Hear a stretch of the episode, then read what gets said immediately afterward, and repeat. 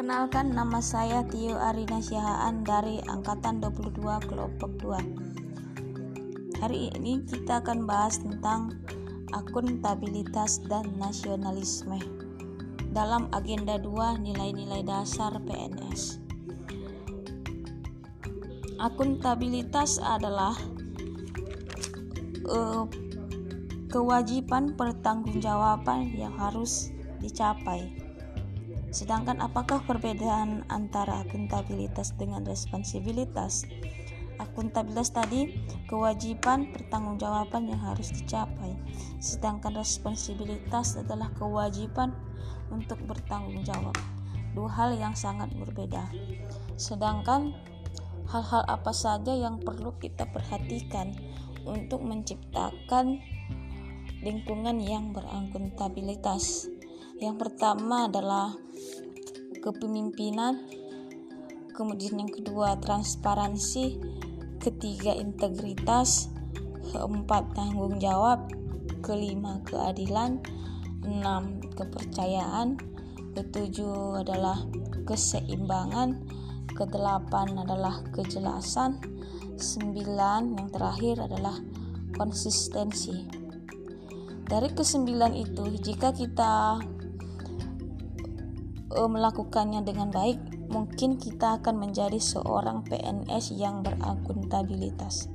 Apakah itu so, uh, PNS yang berakuntabilitas adalah PNS yang mampu mengambil pilihan yang tepat ketika terjadi konflik kepentingan, tidak terlibat dalam politik praktis, melayani dengan adil dan konsisten, dalam menjalankan tugas dan fungsinya.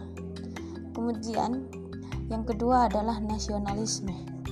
Apa tujuan-tujuan yang perlu kita perhatikan dalam nasionalisme adalah e, membangun kesadaran, kepemahaman, dan komitmen untuk menjadi seorang ASN yang mampu mengaktualisasikan Pancasila sebagai dasar dari nasionalisme dalam pelaksanaan tugas dan jabatannya. Sehingga kita menjadi seorang ASN yang berakuntabilitas dan bernasionalisme baik.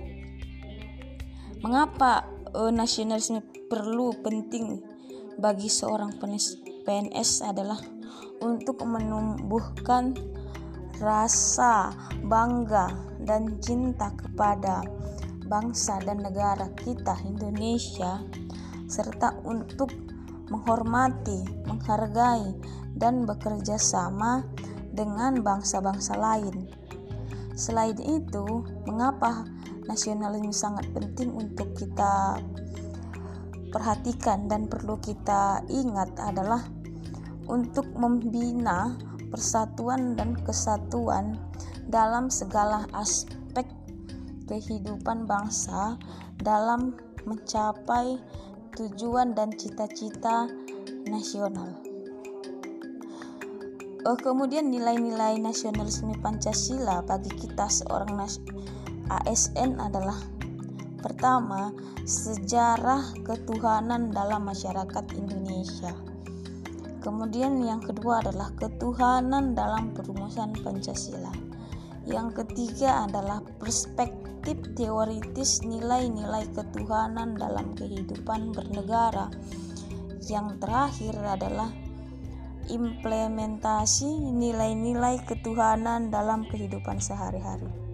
Mungkin jika kita terapkan nilai-nilai nasionalisme tersebut dan nilai-nilai akuntabilitas tersebut dengan baik mungkin kita akan menjadi seorang PNS atau ASN yang berakuntabilitas dan bernasionalisme tinggi yang baik